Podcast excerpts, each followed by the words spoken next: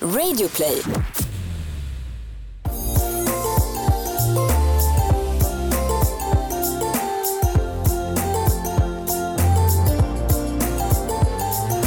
Så var det måndag igen och det är ett nytt avsnitt äntligen. Va? Hörru du, eh, hur är dina händer idag? Vad tycker du? Är de valka? Ah, jag tycker inte det var så illa farligt. Ska inte du leka Bob the Builder i helgen eller? Jo men det har jag gjort. Vi har byggt terrass. Ja. Speaking of, så det är otroligt passande att du är här. Mm.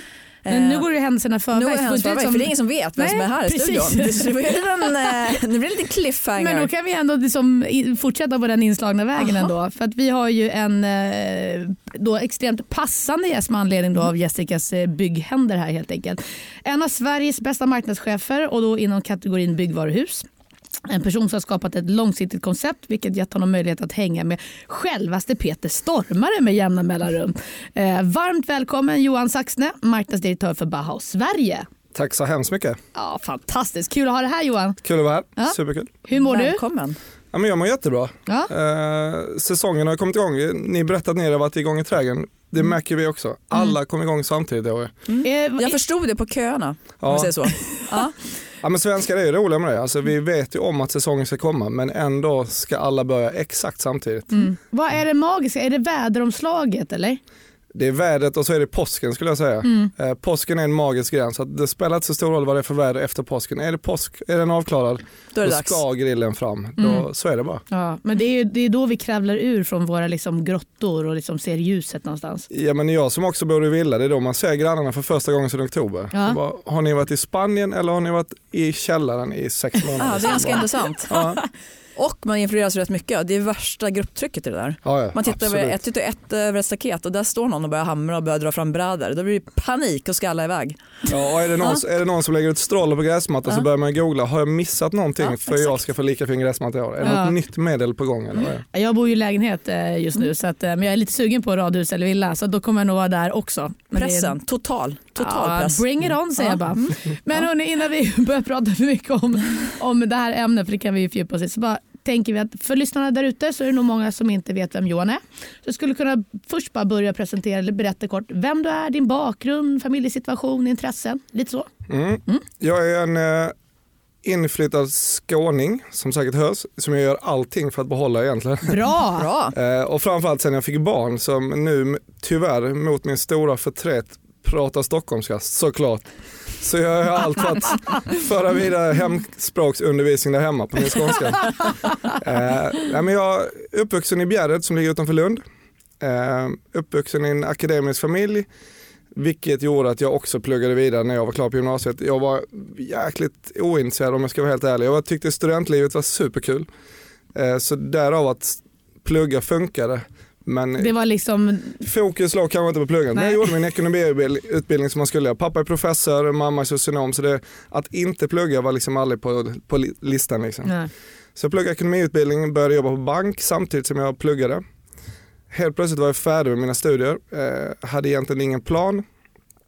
Jobbade vidare på bank, ryckte in i lumpen i 18 månader som kustjägare. oj du tog den vägen. Ja. Jag tog den vägen. Jag, började, jag åkte snowboard först ett halvår och sen åkte, ryckte jag in i lumpen. Och där någonstans så blev jag nog lite vuxen tror jag. Eller insåg att fasen, nu måste jag nu ändå, vad har jag pluggat, vad vill jag, vad ska jag göra? Var lumpen bra tycker du utifrån just det här vägvalsperspektivet? Ja, men för mig var det fantastiskt måste jag säga. Eh, jag hade levt ett liv med mycket fester och det var mycket annat som var i fokus för mig. Eh, så lumpen kom som ett ganska skönt uppvaknande tror jag. Jag tror att för min pappas del så var det nog skönt att han visste om att jag hade en lumpen framför mig. För Som varit- skulle disciplinera dig. Ja men det, men det, var, liksom, det var inte lönt att skälla på mig att jag aldrig kom i tid eller att jag bara sov eller jag bara festade. För han visste att där någonstans kommer gränsen, då ska han in i lumpen och då kommer det bli ordning och reda ändå. Mm. Och du klarar 18 månader. Jag klarade och jag älskade det och jag Ja. skulle egentligen, jag hade planer på att läsa vidare och bli officer också men slumpen gjorde att det blev ett annat val. Jag startade egen firma istället nere i Skåne. Som eh, gjorde vad? Som gjorde vad? När jag, när jag hade muckat från lumpen och då skulle gå tillbaka till banken och börja jobba på bank eh, så insåg jag kanske att eh, jag hade en kollega eller en vän som hade startat målerifirma och just i den vevan så gick vi mycket i Sverige från färg till, eller våtrumstapeter till, till kakel i badrum. Och där någonstans såg jag att fasen, jag var, kunde ekonomin och hade en viss entreprenörsanda i mig. Han kunde hantverket. Så vi startade en kakelfirma nere i Skåne. Började sälja badrum, importerade kakel från Spanien och Italien eh, och började med platssättning där nere i Skåne. En liten kort passus bara. Du pratar om entreprenörsandan. Du kommer från en akademikerfamilj. Då brukar jag inte höra ihop lite grann. Var kommer den liksom, drivkraften ifrån? Men ett steg längre bak. Min moffar är, var en sann entreprenör. Var först i Sverige man började sälja Daimler Chrysler-bilar. Sen började man sälja Saab-bilar. och Hade mycket olika business och olika företag. Så att där fanns den. Sen hoppade nog över mina, mina föräldrar tror jag. Och mycket beroende på, men de, de, är akademiker och de är nog väldigt mycket trygghetsmänniskor. De kom från en, ja, men man, man ska jobba hårt och man ska spara. Det var, det var en annan säkerhet där och den, den tror jag att jag totalt saknar. Och det tror jag också har varit drivkraften i, i mitt nuvarande jobb. För jag tror att vi har nått en viss framgång i det vi håller på med. För att en riskbenägenhet, våga mycket, nyfikenhet i allting jag gör egentligen. Mm. Och den kom ju inte från mina föräldrar utan den kom nog ett steg längre bak skulle jag säga. Mm. Det här med marknadsföring då, vart, vart någonstans i den här resan kommer liksom den passionen och, och intresset in? Ja, men I grunden så kommer jag, kom ifrån, jag kom in på Bauhaus som inköpsansvarig. Jag blev headhuntad upp från Skåne till det jobbet egentligen. Jag började jobba med inköp, älskade hela förhandlingsbiten och de sakerna. Men såg också att det jag egentligen brann mest för, det jag kanske hade mest fallenhet för, det var ju att tänka produkten hela vägen från inköpet till kunden från början. Alltså hur ska kampanjplaneringen se ut? Hur ska vi på bästa sätt få ut den? Där någonstans började mina ögon väcka för att fasen, det är kanske ett marknadsföringsval jag vill, jag vill åt. Och jag hade ju pluggat marknadsföring på universitetet men där och då aldrig riktigt sett att den praktiska nyttan av den egentligen. Mm. Men mycket föll på plats några år in på Bauhaus egentligen. Och sen så bara kort, förlåt nu bara brakar jag på, men jag tänkte det är intressant. Kakelfirma först och sen Bauhaus. Det här med byggintresset, vad?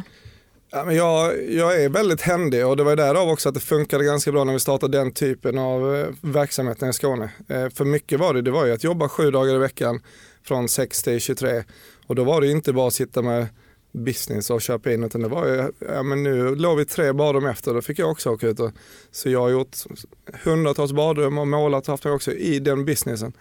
Eh, och det tror jag var en styrka när jag började på Bauhaus. För grundidén i det vi håller på med, jag tror grundframgången för oss handlar ju mycket om detaljerna i produkterna vi faktiskt säljer. Att kunna gå ner i varuhuset, titta på en hylla, kunna sortimentet och inte tro att det är vilket sortiment som helst utan det här fyller en liten annan funktion. Och det, där tror jag att jag har en styrka som, som faktiskt är ganska händig själv. Men du, den här, du, du har ändå varit Baus i 13 år va? Ja, 14, 14 år nu till och med. Ja. Ja. Hur, du verkar vara LinkedIn väldigt... ligger efter. Du verkar vara en extremt driven person. Man skulle nästan kunna se, se dig som en person som vill framåt och vidare hela tiden. Hur kommer det sig att du har stannat inom, inom ramen för Bauhaus? Jag vill framåt varje dag. Varje måndag, varje tisdag, varje onsdag jag vaknar på morgonen så vill jag framåt och göra nya saker. Absolut. Eh, men jag tror Ger det utrymme för det på Bauhaus? Ja, men det, det är det det har varit. Och det, det kan ju verka ganska motsägelsefullt ett tyst stort bolag men det är, det är också ett stort tyskt familjeföretag där vi i Sverige och jag kom in i rätt bra timing tror jag där vi hade precis tagits över eller startat en egen ledningsgrupp i Sverige 2004 när jag började. Eh, från att tidigare grundats från, från Danmark den ledningsgruppen som vi kom in då, Kenneth som är min chef idag också som är vd, vi började ungefär samtidigt. Och vi har gjort den här resan tillsammans hela vägen och fått mycket utrymme från Tyskland, prova nya idéer, vi har byggt vår e-handel själva, vi, vi har precis startat egen logistiklösning när vi tyckte att Postnord och DHL inte kunde hantera det och så vidare. Så många gånger när jag stått med ett vägval att bli erbjuden nya utmaningar så är det mycket som säger mig att jag ska ge det här sex månader till, vi är precis inne i någonting, nu ska vi göra det här och det här. Så att utrymmet jag har och den möjligheten jag har på en marknadsavdelning på Bauhaus tror jag är väldigt unikt faktiskt. Ja, eh, men jag är, det. Mm. men jag, det är klart att jag hela tiden är på språng men jag får utrymme för det mycket på Bauhaus skulle jag säga. Apropå Kenneth som du nämnde då, eh, er vd och eh, som ditt eget läge. Vad präglar en bra ledare anser du? Eh, frihet under ansvar skulle jag säga. Någon som vågar lita på dem han omger sig med kring. Eh, jag tror att Kennets styrka är att han har sett till att få sju väldigt bra linjechefer under sig som i princip driver verksamheten där han kan man bara mycket, mycket små medel stötta och styra lite grann möjligtvis. Men eh, se till att ha medarbetare som, som vill någonting, tro på, tro på företaget, ha en vinnarinstinkt och en, en stolthet för varumärket. Eh, jag tror att det är något som genomsyrar hela Bauhaus, att vi är väldigt många människor som är extremt stolta för Bauhaus. Mm. Mm. Och när man då har den drivkraften och den bakgrunden så har och så vidare, Behöver du en chef? Jag hoppas att Kenneth lyssnar på detta. Nej, men det är en intressant fråga. Jag ser inte Kenneth som min chef på det sättet men såklart att det är viktigt att man ändå har någon man kan bolla saker med. Men i den, den businessen som jag driver, marknadsavdelningen, den driver jag ju utifrån vad jag tycker eller anser är bäst för Bauer skulle jag säga. Inte vad som jag tycker är bäst för Johan Saxne men det som jag tycker är bäst för Bauer. För jag är extremt stolt över varumärket jag jobbar för. Mm. Och där tror jag att han litar till 100% på att jag gör det bästa för Bauers varje dag. Ny säsong av Robinson på TV4 Play. Hetta, storm, hunger. Det har hela tiden varit en kamp. Nu är det blod och tårar. Fan händer just nu. Det. är Detta är inte okej. Robinson 2024, nu fucking kör vi! Streama söndag på TV4 Play. Ett poddtips från Podplay. I fallen jag aldrig glömmer djupdyker Hasse Aro i arbetet bakom några av Sveriges mest uppseendeväckande brottsutredningar. Går vi in med hemlig telefonavlyssning och, och då upplever vi att vi får en total förändring av hans beteende. Vad är det som händer nu? Vem är det som läcker? Och så säger han att jag är kriminell, jag har varit kriminell i hela mitt liv men att mörda ett barn, där går min gräns. Nya säsongen av Fallen jag aldrig glömmer på Podplay.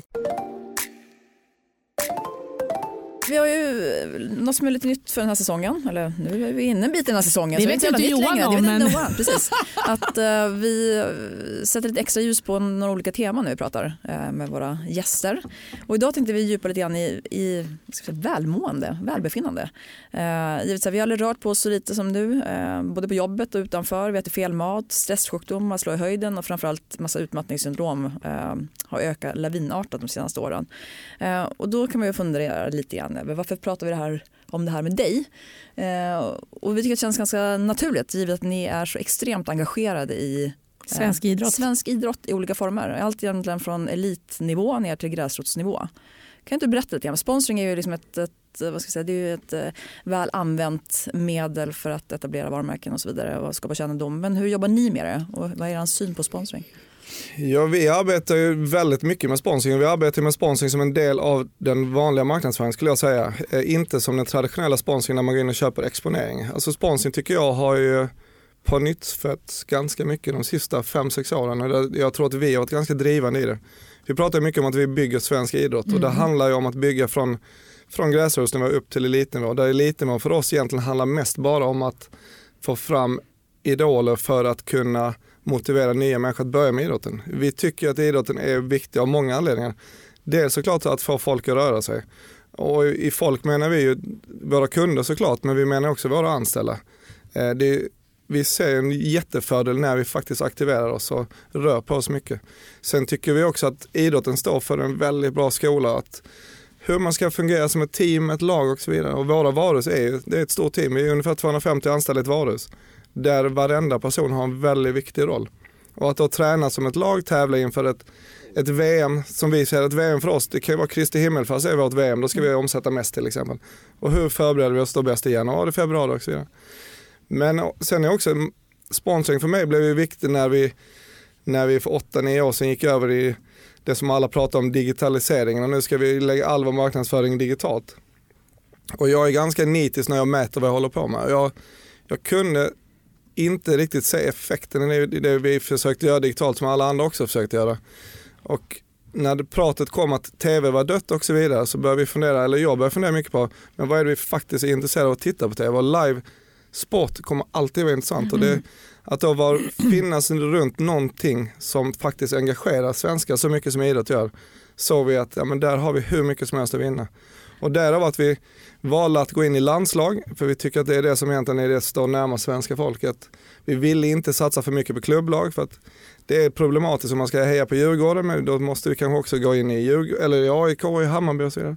Så vi valde Tre Kronor, vi valde Svenska skidförbundet, vi har precis skrivit ett avtal med Svenska fotbollsförbundet. Pressreleasen kommer ut klockan 13 idag. Att ett nytt, Oj, oj, oj. nytt fyraårsavtal. Ja. Skoj. Så idag täcker vi nästan alla idrotter. Eh, och det har i grunden totalt förändrat varumärket Bauer skulle jag säga. Eh, Berätta, på vilket sätt? Ja, men vi, I grunden är vi ett tyskt jättebolag egentligen som vill verka lokalt på orten där vi befinner oss. Och det är inte så lätt när man kommer som stor tysk med en anläggning som är 30 000 kvadratmeter och jättestora skyltar längs de största vägarna. Och då säger jag att vi är Järfälla specialist på hembygg och trädgård.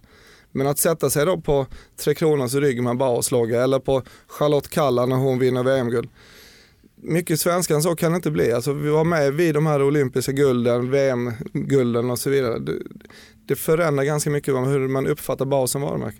Sen fanns en stor anledning också varför vi gick in i idrotten var ju för att vi var ju väldigt manligt förknippade. Eh, och det stämmer egentligen inte hur man ser på kunden, för kunden hos oss är 50% kvinnor ungefär. Och där är också idrotten ganska bra när vi gick in och därför valde vi till exempel Friidrottsförbundet som är lika mycket män och lika mycket kvinnor med samma förutsättningar. Längdförbundet samma sak, de tävlar på exakt samma lika villkor.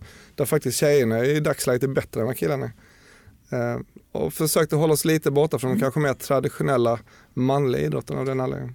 Och Om man då går vidare lite grann för att stanna kvar just med marknadsföring som du säger att det här är ju som, eh, ni likställer egentligen sponsring med att eh, ja, annonserar i traditionella kanaler om man nu får uttrycka sig så.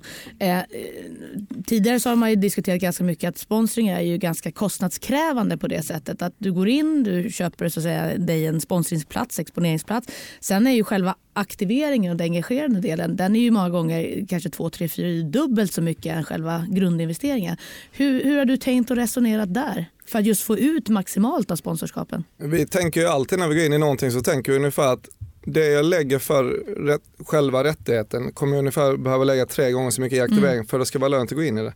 Det måste finnas en, en tanke bakom varför vi går in i respektive sak vi går in i. Vi måste ha en plan från början att vår, Bauers roll i det här samarbetet kommer vara detta eller detta. Tittar vi på längden till exempel så var det ju att skapa något som vi kallar för Bauers skidskola, titta på de yngre och även då starta det som vi kallar för Team Bauers idag där vi gav fler åkare chansen att tävla och träna med A-laget. Så det måste alltid finnas en plan, varför går vi in där och hur kan aktiveringen se ut lokalt på orten eller lokalt i de stora tävlingarna. Men utan aktivering så går jag aldrig in. Vi går aldrig in och köper en skylt till exempel. Utan aktiveringen och kunna, för jag tycker det är viktigt också att kunna påvisa för publiken som är på plats varför står det Bauers på ryggen? Vad är, vad är deras koppling till det här laget eller den här sporten? Mm. Och det, då faller lite grann tillbaka till det här också att bygga svensk idrott. På vilket sätt gör Bauhaus det egentligen? Ja, men mycket genom att ge förutsättningar för klubbar och för lag att kunna till exempel åka på läger, åka på matcher och så vidare. Eh, när vi jobbar med Tre Kronor så såg vi till att supporta Tre Kronors hockeyskola som är 30 000 ungdomar som åker, eller läser skridskor varje år till exempel. Så det handlar om att kunna hjälpa till att bygga från grunden egentligen. Ge förutsättningar för det och där, därav aktiveringen. Kunna, vi ser också att våra arenor eller våra varuhus har, drar vi mycket folk till varje lördag och varje söndag till exempel. Där idrotten idag kanske har problem att dra folk till sina arenor. Då gör vi lite tvärtom. Så vi ser till att vi har friidrottstävlingar på våra arenor. Vi har haft squash-SM i våra varuhus och så vidare. Så att hjälpa till att dra, dra kundintresse till idrotten helt enkelt. Disrupta lite. Mm, verkligen. Men du, ni, ni har ju även ett spännande initiativ som heter Anna och Emil Sports Camp Mm. som ni gör tillsammans med Röda Korset va? Barncancerfonden. Är det Barncancerfonden? Mm. Förlåt, felinformerad. Berätta lite om det, för det, det tycker jag är intressant också. Det är ju utifrån ett integrationsperspektiv. Ja, vi har jobbat, just med Barncancerfonden har vi faktiskt jobbat med i sex år. Eh, Vi var med och startade något som heter Give Hope för x antal år sedan. Och sen har vi jobbat vidare och vi gör det mycket tillsammans med vår ambassadör Aron Andersson. Och kopplar det egentligen till all idrottssponsring vi håller på med. Så alltid när vi ska aktivera så tänker vi alltid, okej hur ska vi kunna koppla det till Barncancerfonden? Vilket har gjort att vi på de sista fyra åren har samlat in nästan 14 miljoner till Barncancerfonden. Wow, fantastiskt. Och det stärker också dem i butikerna jättemycket. De tävlar med varandra, de tävlar mot varandra, varus mot varus. Vem kan runda upp mest? Vem kan göra mest grejer till Barncancerfonden och så vidare. Eh, Emil och Anna Sportcamp är egentligen bara ett exempel där vi, vi jobbar redan med Längdförbundet. De vill göra ett camp för ungdomar för att kunna träna och där ställer vi självklart upp och kunna vara med och stötta. Ande Myhre gjorde exakt samma sak för några veckor sedan, där var vi också med. Eh, och vi har ju de som ambassadör, de är med i det som vi kallar för Team Bauhaus. Mm. Där vi har valt ut 20 stycken aktiva från elitnivå ner till nybörjare egentligen och försöka få ihop dem. Men, men, men är det något Jag slags... är lite sugen på att vara med. varför jag, jag har ju läst det någonstans om att det är någon slags integrations, integrationsprojekt i hela det här, det här sportscampet också. Att man gör det för att integrera ungdomar i svensk idrott och i samhället i stort och så vidare. Ja, det är det. Stämmer det? Eller Det stämmer. sitter jag hittar på det? Jag måste Nej. bara dubbelkolla. Men jag, Nej men det stämmer och det, och det stämmer absolut. Och så funkar mycket av den sponsring vi håller på med nu. Samma sak med Brommapojkarna, där har vi ett jättestort integrationsprojekt nu att få ungdomar i västerort att börja röra på sig och komma in i arbetslivet. Så tillsammans med Arbetsförmedlingen så ser vi till att de ledarna, ungdomsledarna som klubben kan säga sköter sig, kommer i tid och så vidare, är bra föredöme. De ger vi chansen att komma till oss i Baus i Bromma och så får de börja jobb, jobba hos oss så att vi är dem som när de blir förebilder på orten också, att man kan ta sig hela vägen. Vi ser ett problem där. Vi tittar vi Baus Botkyrka i Stockholm till exempel, där är vi 26 nationaliteter som jobbar i varuhuset. De det måste ju också avspegla sig då hur vi beter oss där ute och då handlar det mycket om att få ungdomar från andra kulturer också möjlighet att komma in i idrotten. För vi tror mycket att idrotten är ett väldigt bra sätt att integrera sig och kan vi integrera dem så kan de också börja jobba och så vidare. Så att försöka få ihop idrotten med att de kan börja jobba på bas också. Det jobbar vi mycket för. Det här är verkligen en, eh, någonting att ta på största allvar. Det är ingen, liksom, precis som du säger, det är ingen sponsrad skylt utan ni införlivar liksom sporten i, i allt ni gör. Ja men det gör vi. Allt Parallellerna in till hur ni hanterar era medarbetare, varuhusen, du pratar om det som arenor, team och så vidare. Det är ju superhäftigt. Va? Vi pratar mycket om vinnarkultur, vi vill ju ha en vinnarkultur på Bauhaus och vinnarkulturen handlar ju mycket också om att få folk att vara delaktiga. Vinnarkulturen handlar inte om att man nödvändigtvis ska vinna utan det handlar om att ha en kultur och att man Inställning. En inställning, precis. Eh, och där tycker vi sporten, vi har mycket, hittar mycket metaforer och vi hittar mycket liknelser som är ganska lätta för alla att förstå egentligen. Mm. Ja, Kör ni jag, morgonjoggen? Absolut, och vi kör, just nu har vi ett projekt i maj som heter eh, Spring för livet. Eh, där varje medarbetare, vi har en personalapp, där varje medarbetare som gör någonting under 30 minuter går in och kryssar i appen och då skänker vi 10 kronor till Barncancerfonden. Och det kan vara allt från att de sticker ut och joggar tillsammans på lunchen, men de kan ta en promenad, de kan spela tennis, vad som helst. Det är upp till var och en egentligen. Och där är målsättningen nu att i maj samla in en miljon bara genom att medarbetarna aktiverar sig under maj månad. mm. Det är här- grymt. Ja, det är grymt. Och sen så tänker jag lite grann så här. Eh, många människor vill ju snarare bli belönade själva. Men att ni kopplar till Barncancerfonden handlar ju också om liksom hjärtat utifrån vad ni har valt att gå in i. Ja, men tidigare var det så att vi gav ju alltid, precis som alla andra stora företag, så gav vi ju julklapp till våra anställda och så vidare. Så för några år sedan så frågade vi i en enkät till våra anställda, hur vill ni göra? Vill ni ha en julklapp eller ska vi skänka till Barncancerfonden? Och det var ju nästan 80% som svarade Barncancerfonden och sen den dagen har vi, är det alltid Barncancerfonden. Så gör vi gemensamma ansträngningar eller insamlingar eller vad vi ska göra så är det alltid förmån för Barncancerfonden. Mm. Hur- Har ni sett, förlåt, Nej, det var, eh, lite intressant, sen ni började jobba med det här ännu mer systematiskt vad jag förstår. Ja. Har ni sett någon, någon ökad, eh, säga, ökad välmående bland de anställda? Ja, precis eller? det jag tänkte fråga. Ja, precis. Jo men det har vi. Vi har ju sett att sjuk, sjukfrånvaron har gått ner ganska drastiskt Ja. såklart. Eh, för att de som redan tränade innan, de var ju redan frälsta. Det var inte de vi ville komma åt Nej. egentligen. Vi ville ju komma åt de som ja, men hade ett litet motstånd, det var inte så lätt att kanske gå till gymmet och så vidare. Utan vi ville ju få dem att förstå att, att träna handlar inte om att gå till gymmet fyra gånger i veckan eller att börja springa en klassiker. Utan det kan vara att ta en promenad med kollegor på morgonen och så vidare. Och sen kan man ju öka på det lite och tillsammans med de klubbar vi jobbar med så hade vi möjlighet att få dit tränare och så vidare. Så kunde man ha en instruktion på stavgång en morgon och så vidare. Är, är det liksom under arbetstid ni gör de här sakerna eller är det innan? Och, Det är under arbetstid. det är det? Ja. Vad bra. Jobba på Bauhaus, vart skickar Det, jag det, ansökan? men det är det som är så, här, är så härligt. Man får liksom mer insyn i företagskulturer och, och hur man hanterar och driver sin verksamhet så blir man väldigt sugen på att liksom Men komma in i ett sånt sammanhang. Ja, men detta är, också, detta är en viktig del för oss också att attrahera nya, nya anställda i framtiden såklart. När vi öppnar nya varuhus, vi måste rekrytera en 200-300 människor.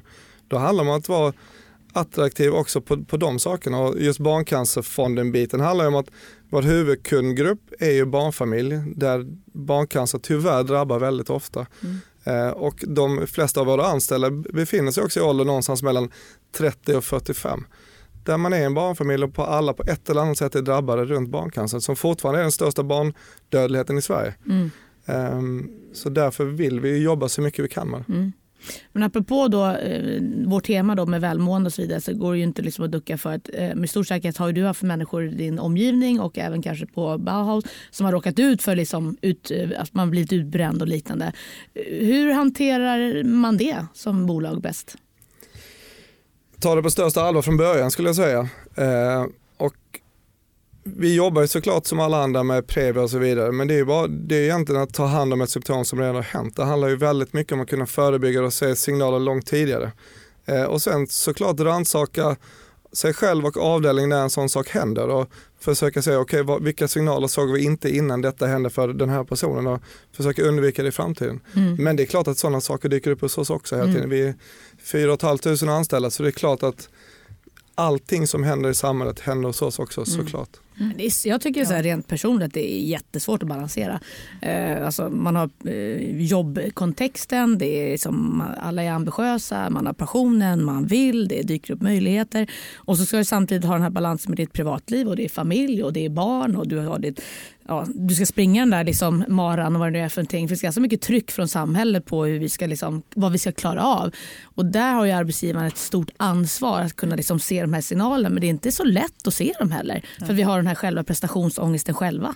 Det är jättesvårt och jag som själv är väldigt driven och håller på mycket med idrott och så vidare och vill väldigt mycket med Bauhaus Mm.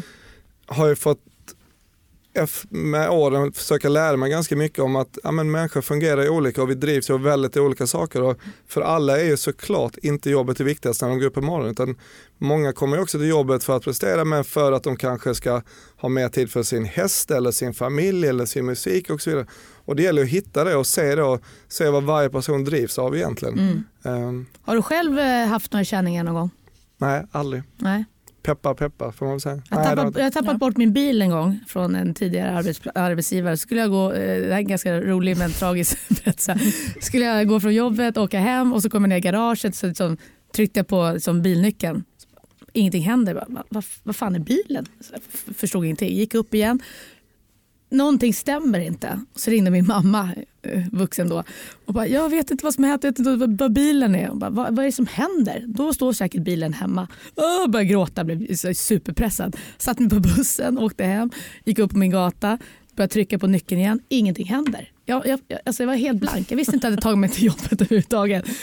Och, och bara står och Det här är inget gråter. skratt åt, Nej, det är alltså. skratt åt. Men jag står och gråter då på, på gatan där jag bor.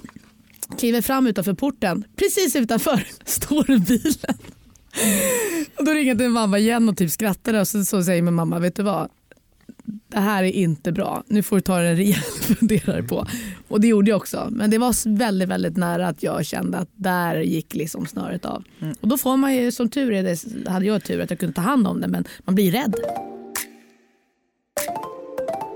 Det finns ju en massa andra liksom an, anledningar också till stresspåslag hos anställda idag. Och, men vi pratar rätt mycket om eh, digitalisering, automatisering och så vidare. Eh, jag kan, en tanke kan ju vara ändå, givet hur er affär ser ut och liksom hur, hur byggvaruhusen är konstruerade, att det finns kanske en, ett visst stresspåslag där också för framtida jobbmöjligheter. Kommer det här skötas som en robot framöver? Kommer ett jobb att finnas kvar och så vidare?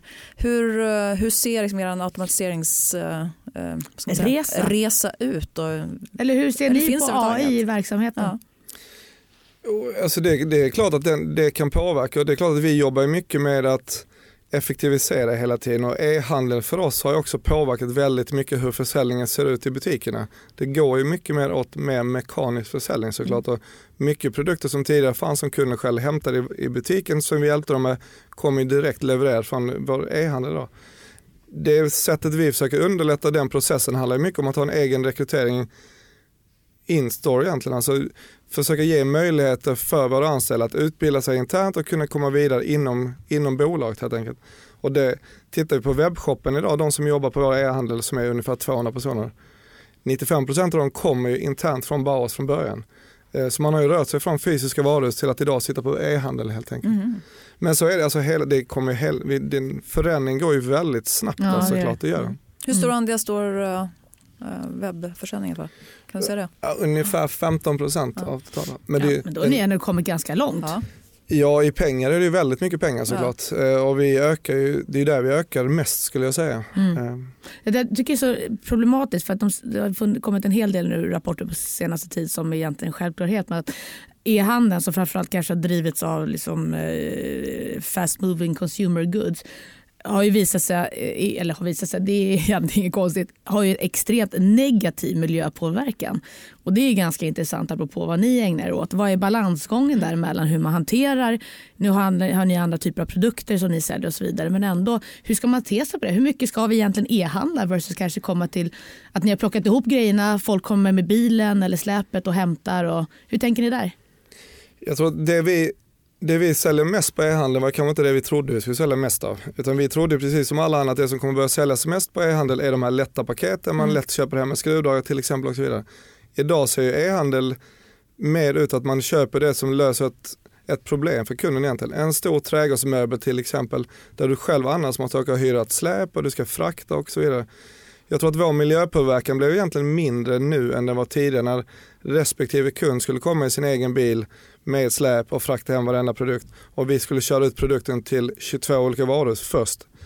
Idag kommer ju allting från tillverkaren till ett lager och sen går det direkt hem till kunden och kunden behöver inte själv hålla på att köra. Alltså, vi skalar bort steg på Vi, vägen vi har skalat bort ett steg i logistiken egentligen och som det ser ut just nu håller vi på att skala bort ännu fler steg med vår egen logistiklösning i Stockholm, Malmö, Göteborg med egna lastbilar och så vidare. Så att vi tittar ju jättemycket på hållbarheten såklart hela, hela tiden. Mm. Tänker att med din bakgrund som inköpsansvarig där också att du har eh, liksom den typen av kunskap och insyn också med dig i det här arbetet. Ja men e-handel idag handlar ju till väldigt stor del om logistiken. Det är Mm. ju egentligen logistiken som är den största flaskhalsen på e-handel idag skulle jag säga. Mm. Men hörni, vi kan ju inte sitta och Nej. inte prata om Peter Stormare ändå. Alltså. Det, det, det måste vi få beröra, även Ja. om det inte rör precis ämnet för dagen. Men alltså, eh, kan du inte berätta lite grann? Berätta mer om ert reklamkoncept. Eh, Hur blev det stormare? Reklamkonceptet bygger på skaparglädje. Eh, och det var ju mycket för att vi, precis som i idrotten så tycker vi att det är viktigt att man gör saker på riktigt. Och vi tycker lite att den här kunskapen att själv kunna tapetsera eller måla börjar tyvärr dö ut. Det är att du Mm. ringde din farfar eller morfar eller pappa så kunde komma och hjälpa dig på helgen och tapetsera. Det där finns ju inte så mycket längre, tyvärr. Man vågar inte längre och det, det blir mer och mer komplicerat. Och då tyckte vi det är viktigt att börja prata om glädjen i att skapa och inte vi försöker undvika att prata om projekt, för projekt för oss är, blir ofta ganska negativt laddat och kommer helt plötsligt in på budgetar och saker som blir mycket större än vad du tänkte. Då var det skaparglädje ett bättre ord tycker vi. Och skapa, du kan skapa vad du vill. Du kan göra ett barnrum till dina barn, du kan göra en träkoja, du kan göra ett, en hel altan. Och då vill vi ha någon som vi tyckte var trovärdig för skaparglädjen. Vi vill inte ha en gammal snickare, vi vill inte ha det på den nivån, utan någon som man faktiskt skulle kunna föreställa sig är en, en kille med skaparglädje. Och vem var då bättre än Peter Stormare, tänkte vi. Det fanns väl en, längre lista kan jag tänka mig också, eller var han nummer ett valet? Han var nummer ett, listan var längre. Vi hade satt ju Peter absolut överst, men hade nog egentligen ingen förhoppning kanske egentligen att han skulle hoppa på det. Eh, Varför men- gjorde han det då? Vad var det som tilltalade honom? Ja, men när han blev, helt ärligt så blev han faktiskt väldigt glad när vi frågade honom. För han tycker han står ju mycket för det här. Och därav också att vi fortsätter jobba med honom. Och det, är, det är så att han ringer oss och skickar bilder till oss och saker han har gjort hemma i sitt hem i Hollywood idag. Så att han är ju en riktig skaparkille på riktigt och är stolt över den rollen han har. Tänker på han i Fargo. Ja exakt. En annan typ av snickare där om man säger så. Ja. Fantastisk rollprestation förresten. Och, det, jag menar, och reklamens roll, alltså ni lägger väldigt mycket pengar på sponsringssamarbeten och så vidare så ni är också en stor reklamköpare. Berätta, vad, hur viktigt är reklam för Bauhaus affär? Och, den är viktig. Alltså, vi har en always on-strategi egentligen och det är såklart vi, vi har ett produktsortiment som också sträcker sig över hela året.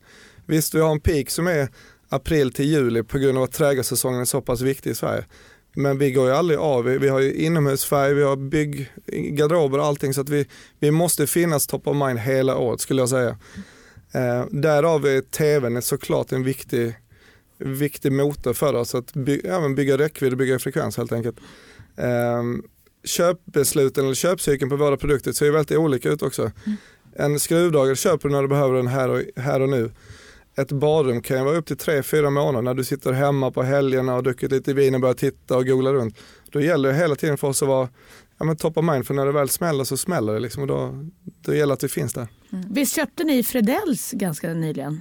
Vi köpte Fredells för tre månader sedan ungefär. Ja. Så håller, kom, jag kom direkt därifrån just nu. Vi håller på att bygga om det nu för att öppna upp det ordentligt i juni. Mm. Det är redan öppet nu som Bauhaus i Sickla men vi bygger om det helt och hållet till ett Bauhaus. Mm. Var det framförallt för location eller vad?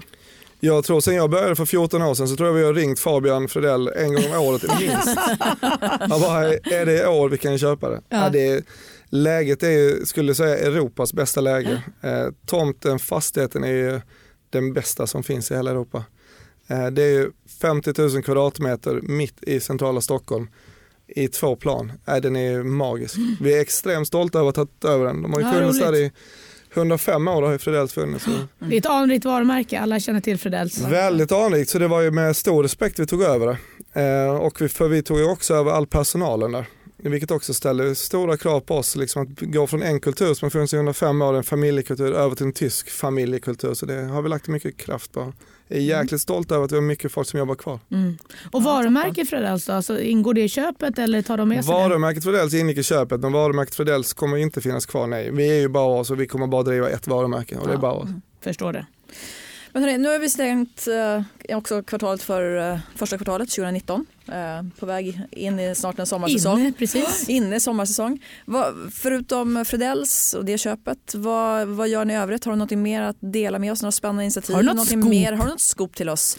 Vad händer mer än sportens värld? Är det några nya samarbeten vi får se? Eller vad? Ja, om en timme eller 50 minuter från vi sitter här och pratar idag så kommer som sagt en pressrelease ut på att vi går in som ny huvudsponsor för Svenska fotbollsförbundet ja, i fyraårsavtal, vilket vi tycker är spännande, vilket jag tycker är viktigt för oss eftersom vi pratar om att vi bygger svensk idrott. Och då tycker jag det känns lite problematiskt på slutet kanske att vi inte varit med i den största sporten i Sverige.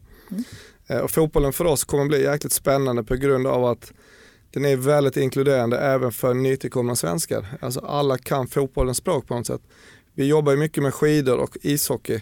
Den måste man ändå säga är ganska begränsad till de nordliga länderna. Det är inte så lätt när man kommer från Syrien, Afghanistan, Afrika och så ska vi börja prata ishockey med dem. Det, det finns ett visst steg man måste över. Visst Där- motstånd. ett visst motstånd, ja de har aldrig sett hockeyn Nej. och det, det är också en lite dyrare sport att komma igång med. Fotbollen är väldigt tacksam där. Så det ska bli spännande. Mm. Sen tittar vi, vi tog över Fredells och den, det övertagandet har gått väldigt bra.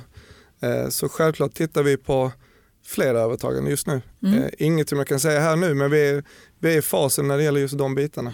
Kommer vi bara se stora varuhus eller kommer det finnas mindre konceptbutiker framöver? Det finns eller? redan nu mindre, alltså när vi köpte Fredell så hade de en anläggning som låg uppe i Knivsta också på 5000 kvadrat. Där hade vi startat ett nytt koncept som vi kallar för Bas Bygg bara.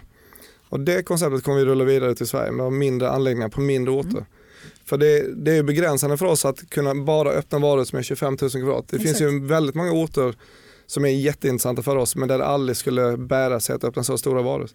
Så det kommer vi titta mycket på. Tänkte också på att eh, nu vet vi inte exakt hur konjunkturen kommer att, att utvecklas men det har ju pratats nu faktiskt eh, ett tag tillbaka att eh, med stor sannolikhet kommer vi nog gå in i en lågkonjunktur här. När exakt vet vi inte. Förra lågkonjunkturen när den slog till så gick ju Bauhaus in och var ganska aggressiva i sin investering och så vidare. Hur, vad är de största lärdomarna från den resan givet vad vi kanske har att vänta oss framåt? Alltså vi, vi ska inte säga att vi ser positivt på en lågkonjunktur men den vår lärdom från 2008 var att vi tog ju våldsamt mycket marknadsandelar. Vi gjorde det på grund av att vi har en ägare som faktiskt trodde på det som alla marknadsförare säger men väldigt få vågar. Att gasa i sämre tider på marknadsföring och inte hålla tillbaka på marknadsbudgeten. Så när vi stod där 2008, någon drog ner draperiet och det blev, för det blev, så blev det för- oss också. Det blev från en dag till nästa så blev det noll försäljning i princip. Mm. Men vi dubblade vår marknadsföringsinsats och trodde på det vi gjorde och gick inte in och ändrade någonting heller. Utan våra affärsidé hade funkat länge och det fanns ingenting med Lehman Brothers som gjorde att våra affärsidé inte skulle fungera nu heller. Utan det gäller bara att vänta ut och när det väl Uthållighet. det är uthålligheten som jag tror är väldigt viktig för oss där och det såg vi också för när det väl började vända, några, pratar egentligen började vända redan efter 11-12 månader kanske ordentligt. Då fick vi en hävstång som är, men där tog vi klivet att gå från en av fyra i Sverige till att bli ganska dominerande marknadsledande i Sverige faktiskt. Mm. Och det där är ju viktigt för att eh, alltså, det är inte bara 2008-kraschen utan det, är, det finns många historiska sked, eller skeden som visar precis samma sak. Men att det är många kunder eller många uppdragsgivare, bolag som fortfarande går i samma fälla. Sen är det klart att det handlar om cashflow och massor Majoriteten olika saker. Ja. Ja. Jo men det är, det är enkelt, men det finns, ju, det finns ju två stora kostnader för ett företag. Det är personalen och det är marknadsföring Ja. skulle jag säga. Eh, och så det är klart att det finns en stor post som är ganska lätt att rädda över till sista raden. Men det är också väldigt, väldigt kortsiktigt. Eh, Så jag tror att vår vinning där var mycket, mycket större än vad den egentligen dubbla budgeten blev egentligen. På lång sikt så var det det bästa beslutet vi gjort. Mm. Det var ju lite samma sak, 2012 kom ju också en dipp, den var Mm. inte lika stor men trots allt en dipp och vi gjorde exakt samma sak där. Eh, och våra konkurrenter gjorde faktiskt också samma sak vad de gjorde förra gången, det vill säga att de drog i handbromsen. Eh, så där tog vi egentligen nästa stora kliv eh, iväg. De öppnade upp arenan igen. Ja men lite så. Det är, det, är, det är väldigt lätt såklart här att sitta och säga att man bara ska öka. Men vi, vi kan ju göra det på grund av att vi är ett familjeföretag. Vi ägs till 100% av våra ägare. Vi har inga kvartalsrapporter vi ska skicka in och så vidare. Så att vi, och vi, hade, vi har en väldigt stark ägare i ryggen som har råd att göra. Många Självstyre, det gillar man ju. Ja, men i många branscher handlar det bara, säger vi inom citation, om att bibehålla befintlig så att säga, investeringsnivå eftersom väldigt många gör precis tvärtom. De drar ner ganska markant och det säger de med konkurrensfördel och sen hävs de på lång sikt. Så att, eh, det är helt sant. Men för dig personligen då Johan, vad ser du fram emot nu här näst? Är det någon veranda som snickras eller är du Ja, men jag, ja, men jag har alltid byggprojekt på gång. Jag, jag är väldigt olik det där. Det är väldigt lätt att säga att man ska göra så här, vad säger man, eh, skomakarens son som inte själv gör någonting. Jag är nog lite precis tvärtom. Jag har alltid projekt på gång. Eh, jag har precis gjort om hela min veranda där hemma. Ja. Eh, men det, blir, det är alltid nya projekt. Jag tycker det är kul att driva livet i projektform höll jag på att säga. Men att alltid, men att Är alltid, frun likadan eller? Nej men, nej, men jag tror, där är jag speciell. Alltså jag tror att jag, jag tycker om att dela upp saker i små projekt och genomföra och ha en viss agenda för det. Jag tror det är därför jag också hinner med att göra ganska mycket i mina veckor för att jag, jag är rätt strukturerad på det sättet tror jag. Mm. Härligt. Ja. Ska vi Ja. avsluta med det vanliga då? Ja, Fem vi- snabba. Precis. Vi säger fem eh, grejer och du eh, svarar det du har top of mind. Det första du kommer på. Kör! Ska, ska jag börja? Ja, kör. Vintersport. Alpin skidåkning, älskar det. Andorra var det här berättar du. Ja precis. Passion. Musik, Verktyg. tigersåg. Tigersåg, vad är det? Tigersåg måste vara det bästa verktyget som någonsin uppfunnits tror jag. Jaha. Det är som en, vad kan man säga, man kan inte kalla för en liten motorsåg men en, en såg du kan använda inne ganska mycket överallt skulle jag säga. Om du ska såga, öppna upp en öppning i en gipsvägg eller såga av en regel, den är fantastisk. Tigersåg är det så? alltså. Julklapp till. Check. Ja, Okej, familj. ja absolut, viktigaste som finns. Och bygger Bob. Ja, vi har ju Bowie, vår arbetsmyra, det är vår byggare Bob. Han är stoltheten för oss. Härligt. Ja, det är alltid så här, varenda gång när samtalet går till sitt slut så blir man liksom lite ledsen nästan för vi skulle kunna sitta här hela dagen. Eh, superhärligt att träffa dig. Stort tack för att du tog dig tid att komma till vår studio och vara med i det här programmet. Kul att få komma hit. Ja, vi hoppas vi inte har sett dig för sista gången. Det vore tråkigt. Nej, var trist. Nästa vecka då, då gästas vi av ingen mindre än Niklas Bondesson som är doktor i marknadsföring. Eh, grundaren till byrån Evidence Strategy och en person som varit med och tagit fram de så kallade effektprinciperna eh, från, eh, från branschorganet KOM.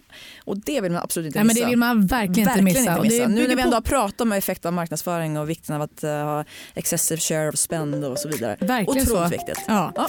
Så att, det här är då jag, Jenny Kaiser. Och jag Jessica Morales från Bakom varumärket signing off. Vi hörs om en vecka people. Bakom varumärket presenteras av Bauer Media. Störst i Sverige på ljud.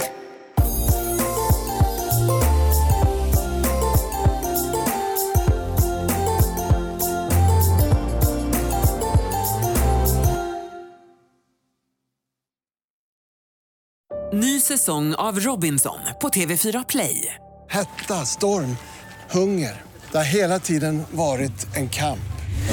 Nu är det blod och tårar. Fan händer just nu. Det. är Detta inte okej. Robinson 2024, nu fucking kör vi! Streama söndag på TV4 Play.